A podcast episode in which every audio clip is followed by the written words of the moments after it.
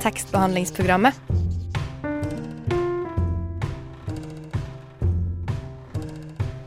Tekstbehandling på radio.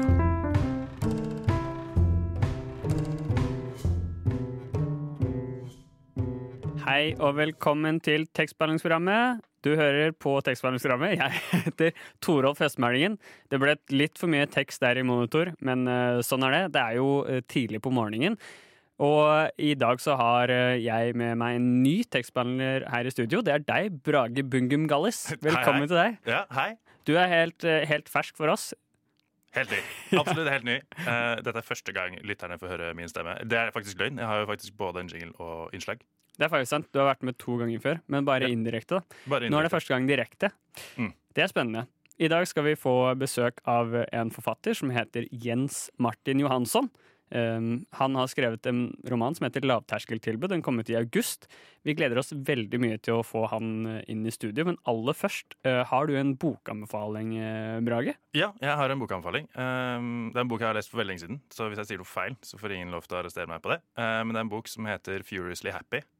skrevet av muligens en Riley, som handler om henne og alle hennes mentale sykdommer. Eh, hvor hun i løpet av boka får sånn syv til mens hun sover. Eh, men det meste med hele boka er at hun kjører en sånn eh, score-tavle med sin mann. Så i løpet av hele boka så teller hun da hvem som vinner alle kranglene. Og det er kjempegøy. Det høres uh, interessant ut. Uh, Sjøl så vil jeg faktisk eh, anbefale den boka uh, vi skal snakke om nå, den neste timen. Lavterskeltilbud. Den var eh, veldig morsom, og eh, jeg gleder meg faktisk utrolig mye til å snakke med Jens om den, fordi jeg regner med at han har, han har sikkert veldig mye å si. Eller hva?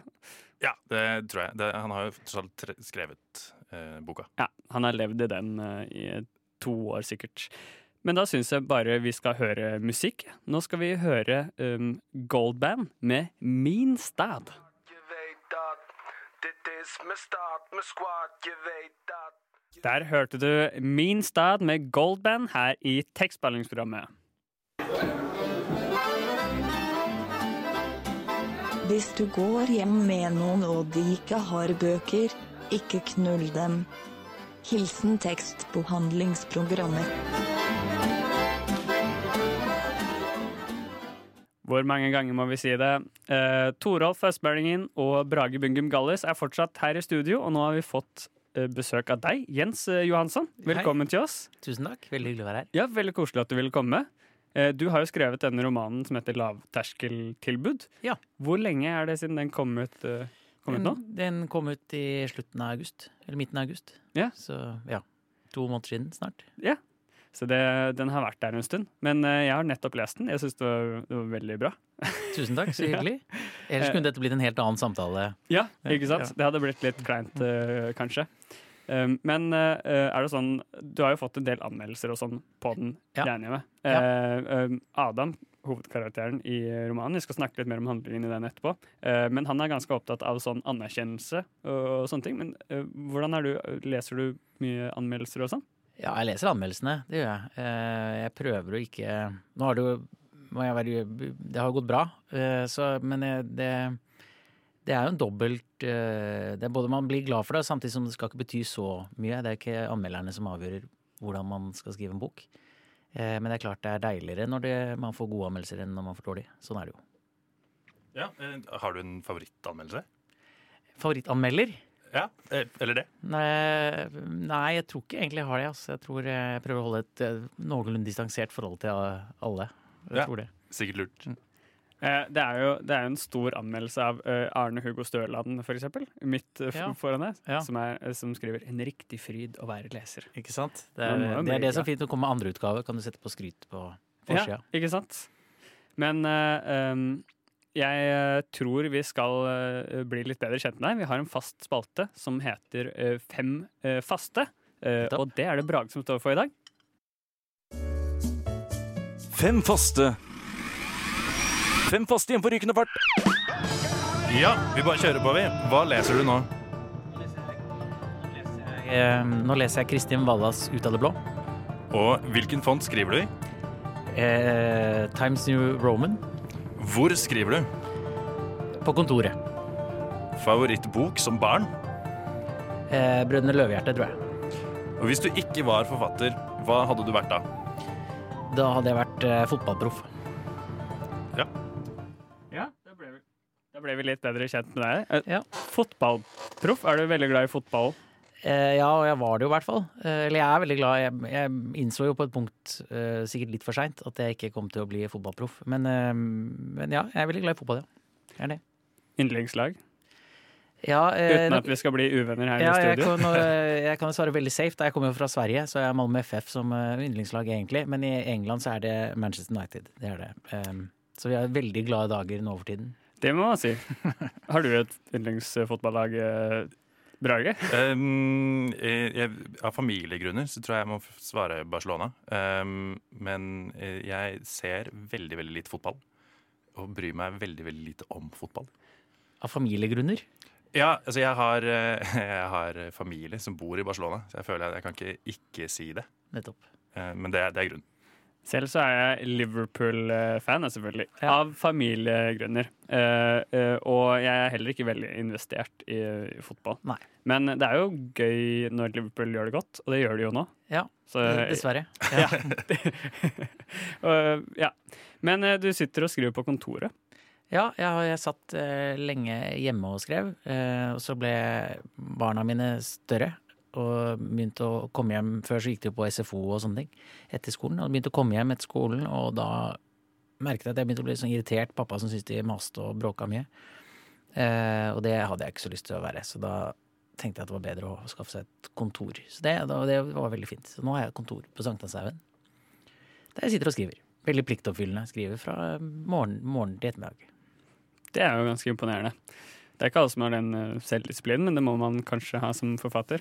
Jeg vet ikke om man må ha det, men jeg må ha det i hvert fall. Det er vanskelig å måle hva man gjør, om, om det man gjør er bra eller dårlig når man skriver. Så da kan jeg i hvert fall måle det at jeg har vært der et visst antall timer. Du har en timeseddel. ikke sant? Ja, eh, nå tror jeg faktisk vi skal høre litt eh, eh, musikk igjen her i tekstprogrammet. Eh, det vi skal høre nå, det er Divest med 'Passing Through'.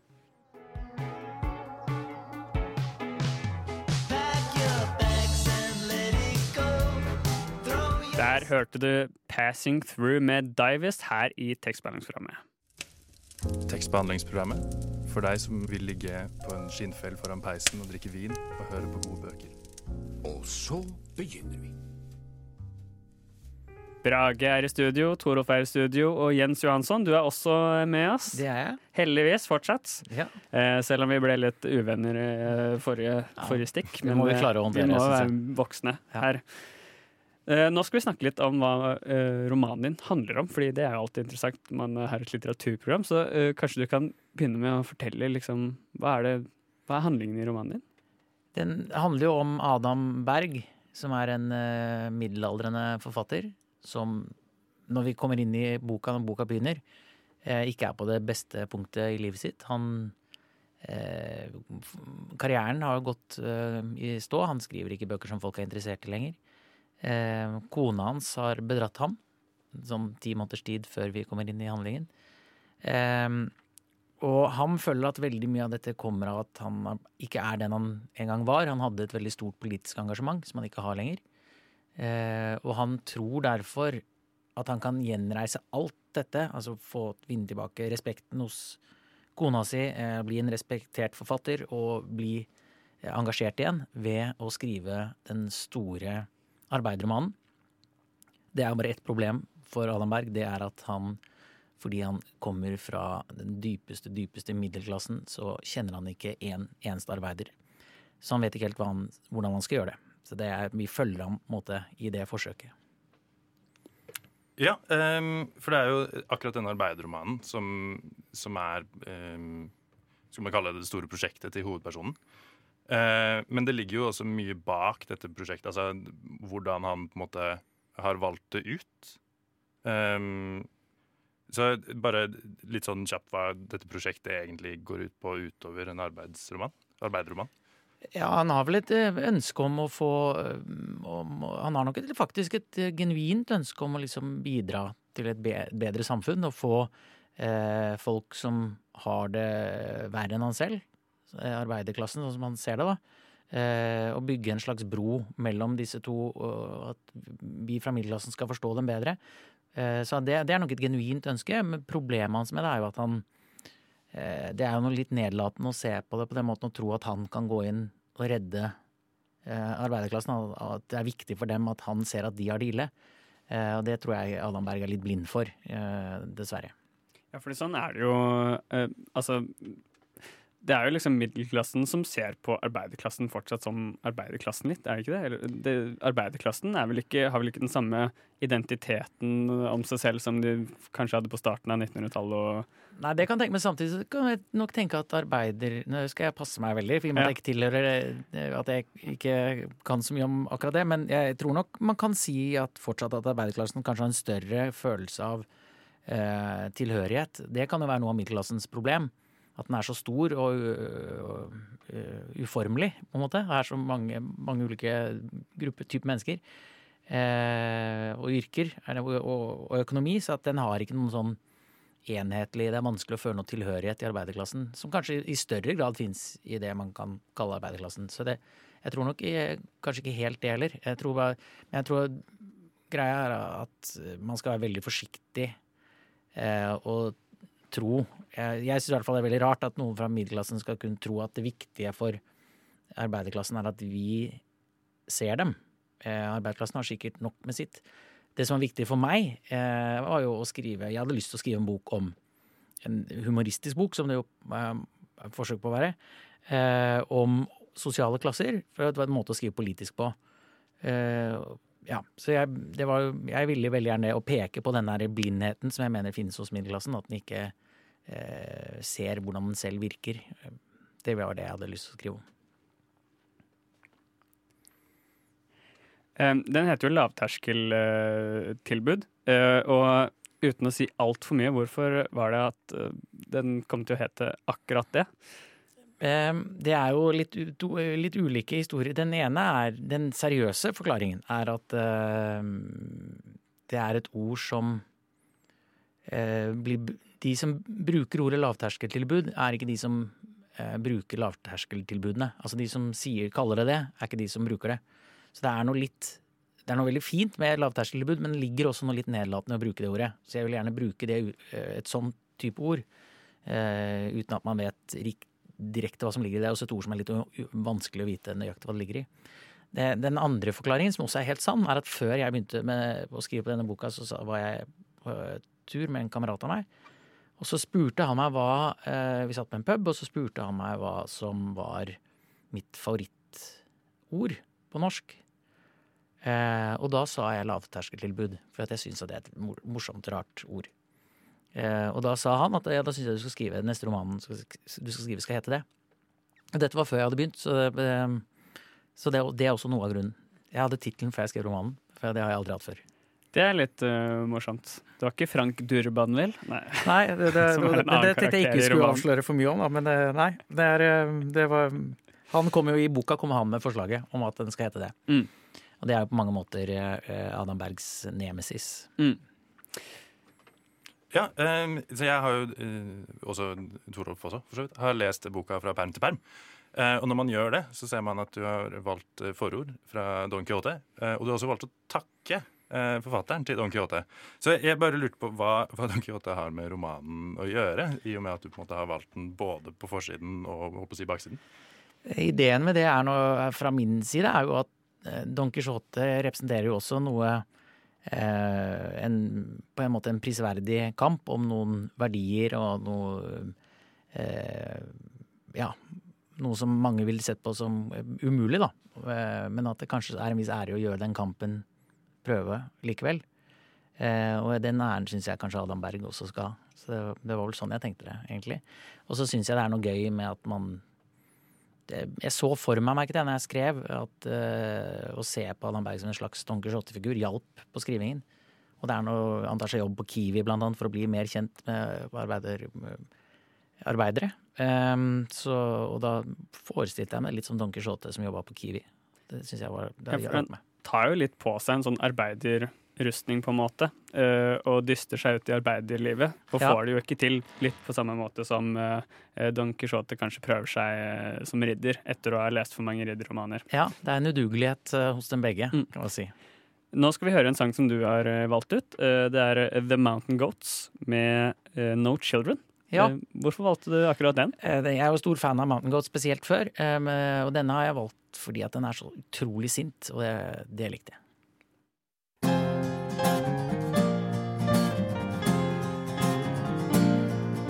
Det var The Mountain, Mountain Goats med uh, No Children her i tekstbehandlingsrammet på Radio Nova.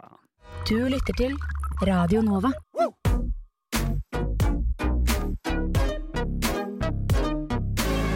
Radio Nova.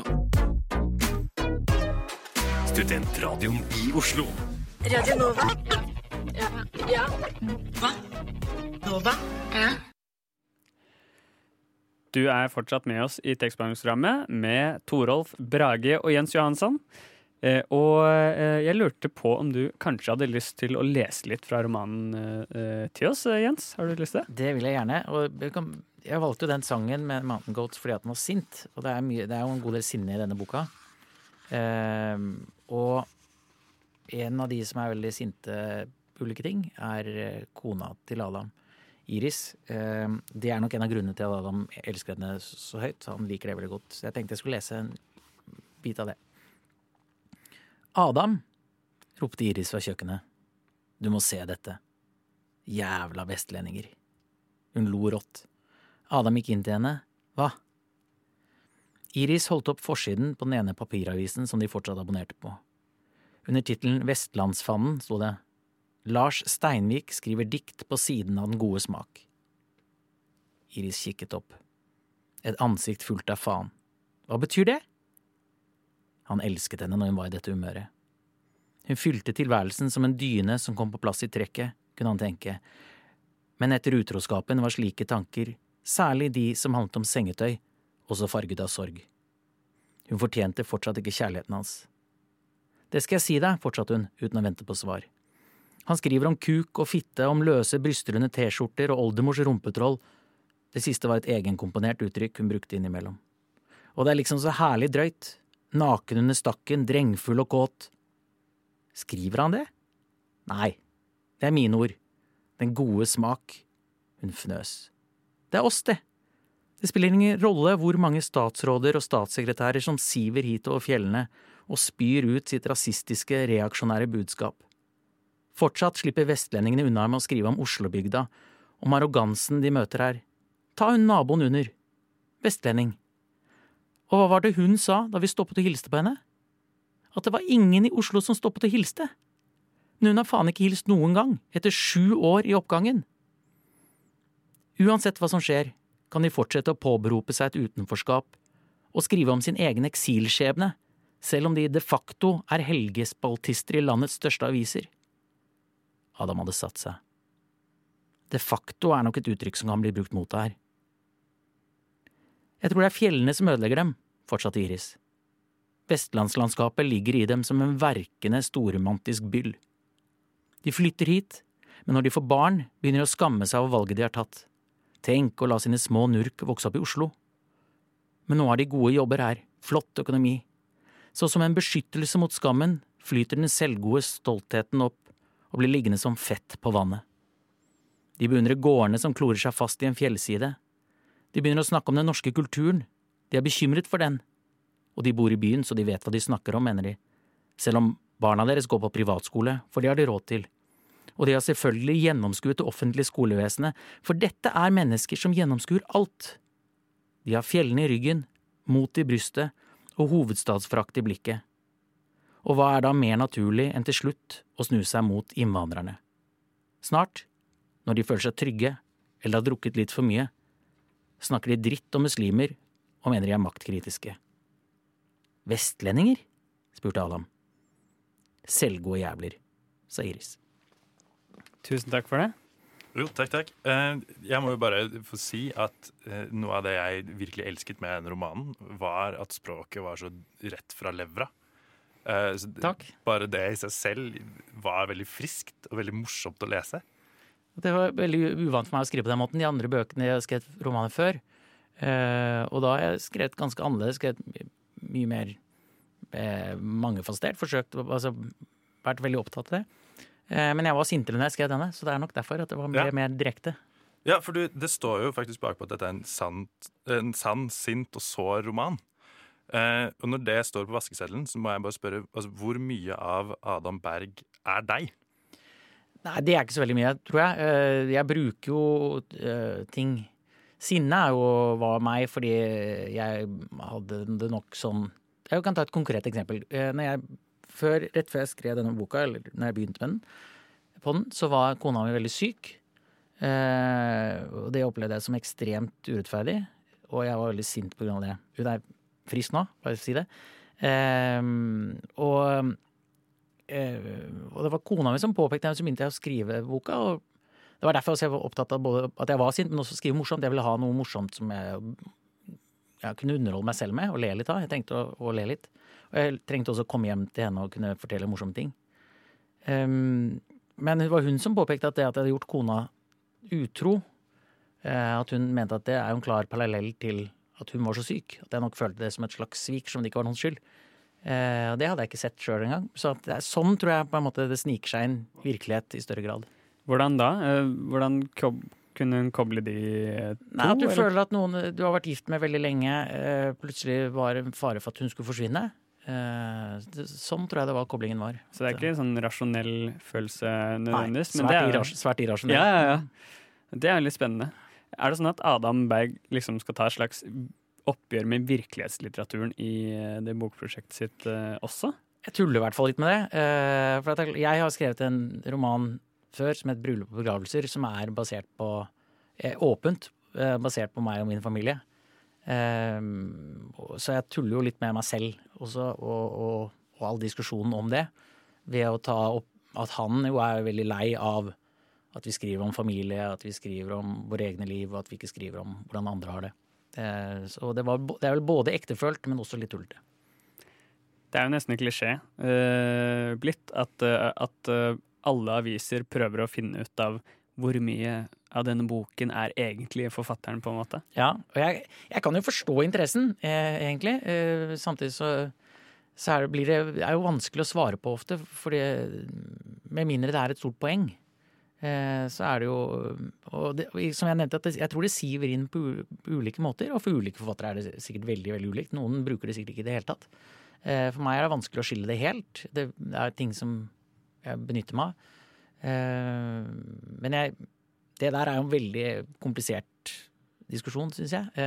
Men jeg skulle ønske vi ikke, at vi ble litt ferdig med det. Ja, Vi har ikke tid til å diskutere det nå heller. ja, vi har bare en times tid. Så jeg tenker at vi skal høre eh, litt mer musikk, og det er Pulp med Common People, som også er en sang som du har tatt med til oss. Ja, og det er, Der er jo linken mer klar, kanskje. Det er jo, den eh, handler jo om en dame som kommer begynner på art school eh, fra Hellas og vil eh, lære seg om hvordan vanlig, hvordan arbeiderklassen eh, lever.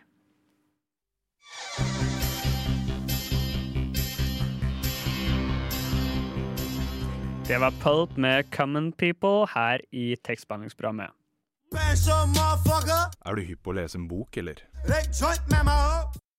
Torolf og Brage og Jens Johansson, dere er her eh, fortsatt i studio sammen med meg. Det Det er er veldig heldig. Uh... Jeg hadde glemt at den Pulp-sangen var så lang. ja, Jeg beklager det. men det var veldig, Den er veldig fin. bra. Den er fin, Den er men litt fin. lang. Litt lang. Mm. Eh, Når, nei, det skal jeg ikke. Vi, vi skal snakke om litteratur, vi, Ja. ikke musikk. Ja. Eh, fordi eh, det er jo en politisk roman på mange måter, det du Ja. har skrevet. er Jeg det syns jo det. Jo, det var meningen, det, i hvert fall. Det, Ja, nei, absolutt. Eh, I løpet av boken så får man jo om ikke Jo, direkte, tror jeg. eh, vite litt sånn politiske oppfatninger til spesielt foreldre, faren til Adam. Eh, men vi lurte litt på hvilken politisk oppfatning Adam har. Eh, nei, Adam kommer jo fra en eh, Altså, familien Faren er jo gammel AKP-er, AKP fra ML-bevegelsen. Eh, og Adam tilhører vel også den ytre eh, venstresida. Eh, men han eh, har jo mista det litt av, eh, av syne, på en måte. Han er veldig lite politisk engasjert. Men han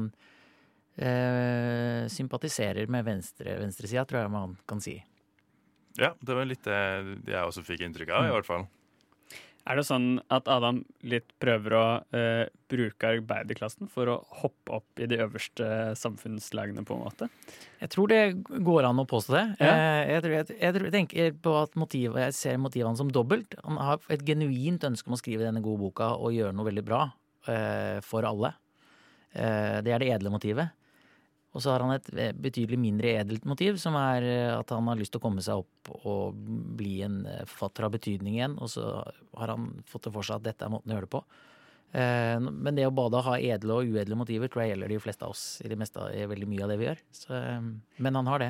Men det er jo liksom en konstant Det blir jo hele tiden nevnt at han har vunnet dette stipendet. Det var 700 000 kroner, det var 573 søkere. Det blir liksom et sånt mantra gjennom Ja, prøve å eh, svinge seg opp på det. Ja, Liksom. ikke sant? Som, som hever egoet hans. Allikevel så vil han liksom Ja, og dette vil han ha brukt for å skrive en fantastisk roman. Ja. Eh, samtidig som han liksom også vil ha dette arbeidersolidariteten. Da. Ja, og han prøver vel. Jeg tror også det er noe, Vi snakket jo litt om det virkelighetslitteratur, var så vidt innom det. Nå skal ikke jeg ta opp det, i og med at jeg sa det, men at noe virkelighetslitteraturen gir til bøker, og jeg tror mange føler, er en slags autentisitet.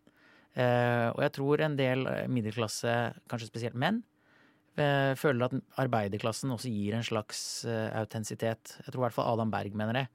Og det er derfor en del middelklassemenn begynner å oppføre seg veldig rart når de er på eh, verksted, eksempel. Dette har jeg tatt meg selv i, at eh, jeg har hatt bilen på verksted. Nå har jeg ikke bil lenger. Men da eh, Og han sparket i dekkene, han eh, fyren på verkstedet. Jeg vet ikke hvorfor han gjorde det. Men da tok jeg meg selv i å sparke i dekkene, gjøre det samme som han, da. Og liksom herme ham for å liksom tenke at nå gjør jeg sikkert det riktige. Uten å ha noen anelse om hva hvorfor man gjør det. Og jeg tror Adam Berg prøver det litt. Han prøver å, å få noe av dette eh, autentiske som han mener at arbeiderklassen har. Som er noe tausere og mindre pratsom enn han. Dette er jo klisjeer, selvfølgelig, men som han innbiller seg. da. Uh, ja. Um, så, uh, har, I hvert min oppfatning er at de fleste forfattere og journalister, uh, i hvert fall de som tør å uttale seg om emnet, stemmer til venstre for midten. Um, men, men har liksom arbeiderlitteraturen stagnert til tross for dette? Eh, jeg, tror, jeg, jeg vet ikke om jeg er enig i at journalister Det sies jo ofte at journalister ligger Jeg er jo journalist også, eh, og det ligger så langt til venstre. Men samtidig så viser f.eks. undersøkelser at eh, Fremskrittspartiet var kraftig overrepresentert eh, i dekning på NRK, f.eks. Mm. Eh, så er det alltid en sånn diskusjon om, om det stemmer. Eh, og jeg tror og for meg å uttale meg om arbeiderlitteraturen har stagnert. Jeg har jo skrevet en eh, Jeg tuller jo med det, men jeg har jo skrevet en veldig middelklasse roman, må jeg nok være ærlig nok å innrømme. Så jeg tror ikke jeg skal uttale meg om eh, arbeiderromanen som sjanger. Det tror jeg ville vært dumt av meg. Ja, men Det er en ærlig sak, det. Har du lyst til å lese litt mer eh, for oss? Jeg kan jo lese noe av det som er det politiske, der hvor han eh, eh, Han skriver han får Dette stipendet blir utlyst, og det er jo en guds lykke for han. Uh, fordi at han har gått og tenkt Det er altså et stipend som utlyses av Kulturrådet om, om å skrive eh, om de andre, er formuleringen. Og det er et ønske om å liksom fremme mer politisk litteratur. Eh, og dette tiltaler jo Adam voldsomt, og det er viktig å huske på at han genuint vil dette. Eh, Så jeg skal lese der hvor han begynner å skrive denne søknaden. Søknaden utvidet og utviklet seg til noe som mer og mer lignet et manifest. Han skrev om litteraturens behov for å komme seg ut av sitt eget hode. Først ut av sin egen navle, men han strøk det. Ut av sin egen barndom, bort fra sine fedre og mødre, at han var nødt til å forlate den nærmest filatelistiske granskningen av familien og alle dens fasetter. Forlate hovedstaden, forlate kafeene, han lot den stå selv om han var i tvil, våge seg ut av tryggheten som tross alt omsluttet våre middelklasseproblemer. Han skrev om viktigheten av research, hamret inn betydningen av å snakke med folk. Men selv om ordene bare fløt ut av ham, var det ikke snakk om noen rant. Adam var ikke sint. Selv om han kanskje skulle ønske at han var det. Nei, han var mer redd. Ikke så mye for å bli avvist av stipendkomiteen når alt kom til alt. Det var en dypere frykt som hadde sunket inn i ham i løpet av årene. Den hadde angrepet selve skjelettet. Han følte seg helt alene. Han savnet så inderlig å kunne stå i et fellesskap, lengtet etter å kjempe for sin overbevisning. Først måtte han bare ha en overbevisning. Nå skvulpet han rundt i en sjø av uforpliktende velvilje. Tenk at han hadde vært sentral i Rød Ungdom i flere år. Adam Berg hadde arrangert ulovlige aksjoner mot multinasjonale oljeselskaper, mot kommune og stat, mot eiendomsutbyggere og fredsprisvinnere. Han deltok i offentlige debatter, holdt kontroll med fraksjoner, solgte Klassekampen i demonstrasjonstog, formulerte slagord, var møteleder, vervet medlemmer, laget faner, klistret opp plakater, ble arrestert en gang, og var aktivitetsansvarlig på hytteturer. Dette hadde vært ham. På universitetet, mens han studerte idéhistorie, aksepterte han også selvsagt å stille på listen til Radikal Samling på Studenttinget, men det var også her han begynte å kjenne at interessen i det store og hele var på vei bort. Livet drev i en annen retning. Engasjementet flyttet seg fra politikk til spørsmål om identitet og tilhørighet. Han ønsket i større og større grad å forstå sine motstandere heller enn å kjempe mot dem. Mye, trodde han selv, skyldtes at moren dro sin vei da han var liten, og at han hadde begynt å tenke mer på betydningen av det. Han kjente en sorg, og den ville han gå inn i og forstå. Han orket ikke stå imot. Til Adams forsvar utviklet dette private behovet seg i en tid da verden virket mindre truende, i hvert fall sett fra Adams plass i den. Muren hadde falt, Sovjetunionen gikk i oppløsning, og den kalde krigen var over. Norge ble i det store og hele styrt av sosialdemokrater, og selv om Adam ikke var blant dem som hadde begynt å stemme Arbeiderpartiet av fornuft da han ble eldre, kjente han ingen presserende krav om å blande seg inn i samfunnsutviklingen. Han stemte selvfølgelig ved valg, og han fortsatte å tilhøre den ytre venstresiden, men han var tilfreds med å la andre ta seg av selve arbeidet. Han fulgte med på hva som skjedde i verden, men med et halvt øye. Han sluttet å lese kronikker og bakgrunnsartikler som han tidligere hadde pløyd med interesse, og etter hvert mistet han selvtilliten når det kom til politikk. Han hadde ikke lenger argumentene når diskusjonene dukket opp. Som oftest var det noen andre som visste mye mer enn ham, og Adam kunne derfor tenke at det var rett og rimelig å la dem føre ordet. Adam ble en iakttager. Han satt og så på folkene rundt bordet mens verden forandret seg. Og han reagerte ikke før konsekvensene ble trykket opp i fjeset hans. Dette siste syntes han var ille å tenke på. Han hadde blitt selve definisjonen på en salongradikaler. Iris hadde rett. Han hadde mistet retningen. Han trodde knapt på noe lenger. Men det var ikke som om hun var noe bedre, det ville han bare ha sagt så jævlig med en gang. Det var nettopp det som bidro til å gjøre utroskapen hennes enda mer svikefull. De hadde drevet bort fra engasjementet sammen. De trengte ikke fellesskapet like mye lenger, fordi de hadde hverandre. Nå sto Adam igjen, alene, både beskyldt og skamfull. Men én ting var at han hadde blitt avslørt som salongradikaler, at engasjementet for medmenneskene ikke stakk dypere enn noen tårer foran TV-en, at det var først når migrasjonen av mennesker i nød kom helt hjem til ham, først når USA valgte en gal fascist til president, først når alt hadde gått altfor langt og en isende kulde blåste over jorden. Han rykket til i sofaen, som en drøm der man plutselig føler at man stuper mot avgrunnen. Det som virkelig var ille, var at han i sin uvitenhet selv var blant dem som hadde tillatt det å skje. Han hadde vasket ut skillene mellom hva som var rett og galt. Han hadde latt egen ignoranse skape tvil om hvorvidt det fantes noen svar, om det fantes noe å tro på, noe å kjempe mot, eller for. Alt var i hans hode blitt til et blast. Er vi ikke bare like alle sammen, innerst inne, egentlig? Dette var mannen Iris så, og der lå den dypeste skammen for Adam. Takk for det. Eh, og tusen takk for at du kunne komme på besøk eh, til Tekstforhandlingsrammet. Eh, det var veldig koselig å ha deg her. Tusen takk for at jeg fikk komme. Det var veldig hyggelig å være her.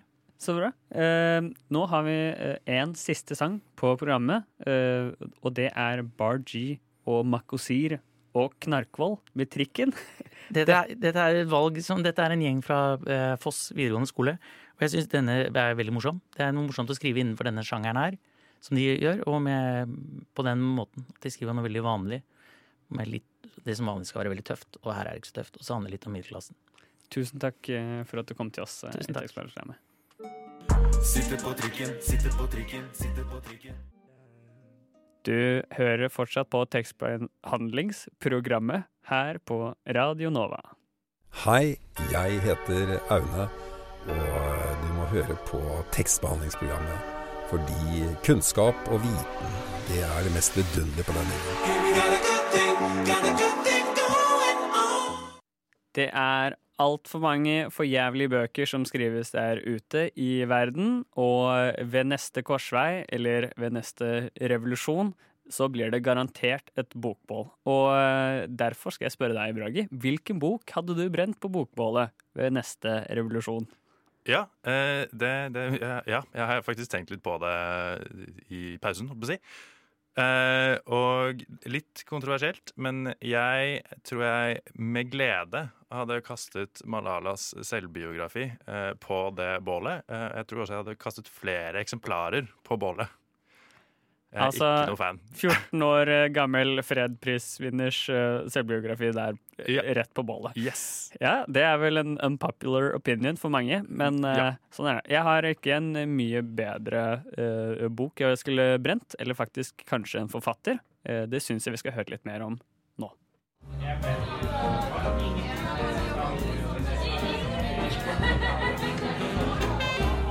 Det var en lørdag, og jeg befant meg på en fest. Det var en fest med høyt humør og pinkremant i glassene. Mesteparten av klientellet var selverklærte kommunister, og rundt bordet gikk praten lett om Nato, EU og forskjellige direktiver. Vi hadde drukket alkohol, og stemningen var god da jeg bestemte meg for å spørre disse snille og søte menneskene om en ting jeg har tenkt på lenge. Hvilken bok hadde du brent først etter revolusjonen? Hvilken bok hadde du brent først etter revolusjonen? Jeg måtte bruke mine beste journalistiske egenskaper for å få lirket ut et svar av de spirende politikerne. Revolusjon. Eh, Det har skjedd en revolusjon. Eh, folk har eh, lik arbeidslov, og alt er liksom good. Eh, du skal bare brenne én bok på bokbålet for å fremme eh, saken. Det har skjedd en revolusjon. Folk har lik arbeidslov, og alt er liksom good. Du skal bare brenne én bok på bokbålet for å fremme saken. Slik lød mitt spørsmål til kameratene. Et godt formulert spørsmål kommer til sin rett når man behandler pikante temaer. Men det var ikke bare bare å få et rent svar. Men kanskje, hvis jeg svarte på mitt eget spørsmål, smakte på min egen medisin, så å si, ville de kanskje vise meg nok tillit til å svare meg. Jeg tror det første jeg hadde brent, er eh, Haruki Murakami, fordi alt hva Haruki Murakami han skriver. Fordi det er dritt. Det er rett og slett bare crap. Jeg har ikke lest uh, Jeg har ikke lest eh, Jazz After Dark. Jeg har ikke lest eh, IQ1Q84. Jeg har ikke lest Du Brenne ting du ikke vet hva er. Nei, jeg har prøvd. Det er bare dritt. Hele dritten. Det er bare dritt. Eh, Jeg har lyst til å kaste det på jorda, men eh, det er, det er sider med papir. Så det er ikke vondt. Min innsats bar frukter. Ikke lenge etter at jeg åpnet opp om de bøkene jeg selv hadde varmet mine hender på ved bokbålet, fikk jeg et klokt svar av en kvinne med et klart budskap. Den boken jeg vil brenne først, er faktisk et drama av August Lindberg. Ibsens store fiende. Og jeg er på Team Ibsen her. Eh, Frøken Jolie. Som er en idiotisk fremstilling av kvinnerollen. Det er noe av det mest Ja, det, det er helt sånn det villeste jeg har lest. Det er liksom hvordan, etab hvordan han etablerer Jolie. Det er sånn Moren hennes var sånn crazy som brant liksom opp farens hus. Det er bare sånn Ingenting henger på greip, og det er supertydelig at liksom hele stykket bare prøver å liksom formidle Strindbergs kvinneforakt, og det er bare kjempedårlig. Og alle burde bare lese Ibsen istedenfor å lese Strindberg. Som forventet spilte det politiske en klar rolle i hvilke bøker som hadde havnet i ilden. Strindberg, den notoriske kvinnehateren fra Sverige, og hans kjente verk 'Frøken Julie' var en klar kandidat. Og litt etter litt løsnet det også for de andre. Det skulle vise seg at det ikke nødvendigvis var det politiske som spilte størst rolle når bøkene skulle opp i flammer, eller at det skulle være litteratur som skulle på bålet. Eh, jeg hadde brent 'Ringenes herre' av Tolkien. Hvorfor hadde du brent Ringenes herre av R.R. Tolkien? Nei, eh, to grunner. Da. For det første fordi historien er helt fantastisk og ekstremt viktig for eh, kulturen vår. Men boka er egentlig ganske dårlig. Altså, alle som har prøvd å lese Tolkien, eh, merker at det er en sånn pinsel du må gjennom som en sånn slags puritansk, protestantisk selvpiningsrituale for å være en del av en popkultur. Det er en jævlig dårlig bok. Den eh, no, det er aldri i hele jævla boka så er du der actionet skjer. Det er alltid liksom Legolas med alveøynene sine som 3000 mil unna ser noe røyk dukke opp et eller annet sted. Eller noe sånt, da. Det er aldri, du er aldri der actionet skjer. Du er aldri liksom på det gode stedet i for, Har du lest Da- eh, Hobbiten? Hobbiten er en veldig god bok. Ringenes herre er en forferdelig dårlig bok, da. OK, hvilken bare kalle det brent? EØS-loven. Ja.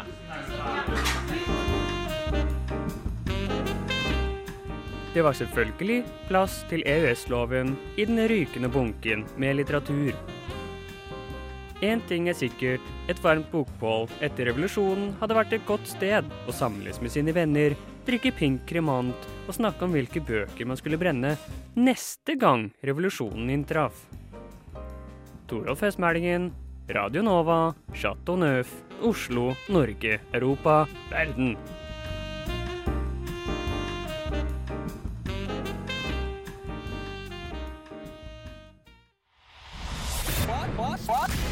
Radio Nova er best. Alle andre er tapere. Radio Nova.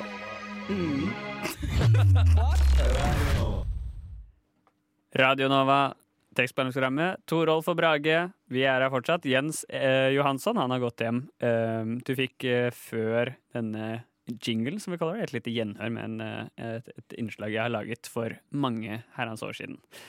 Om å brenne bøker. Men eh, nå er vi faktisk eh, ferdig eh, for i dag. Brage? Kjempetrist. Kjempe, Kjempetrist. kjempe, kjempetrist. Kjempetrist. Men hvis du savner oss, hva kan du gjøre da? Jo, da kan du følge oss på Insta og på Facebook, og laste oss ned på en podkast-app nær deg. For eksempel, For eksempel. Acast, som jeg ikke har hørt at noen bruker. Bruker du det? Nei, jeg bruker podkast. Ja. Appen til Apple. Uh. Ja. Eh, hvis du er nerd, så kan du gå inn på Soundcloud. Eller radionova.no. Eller radionova.no. Der har vi også masse nettsaker og sånn. Så eh, du finner oss hvis det skulle være. Og eh, da er vi ferdige for i dag. Tusen takk for meg. Jeg heter Torolf Høyland Høstmælingen. Og takk for meg. Jeg heter Brage Bungum Gallis. Og tusen takk til teknikeren i dag, som heter Chris Andersen. Andersen.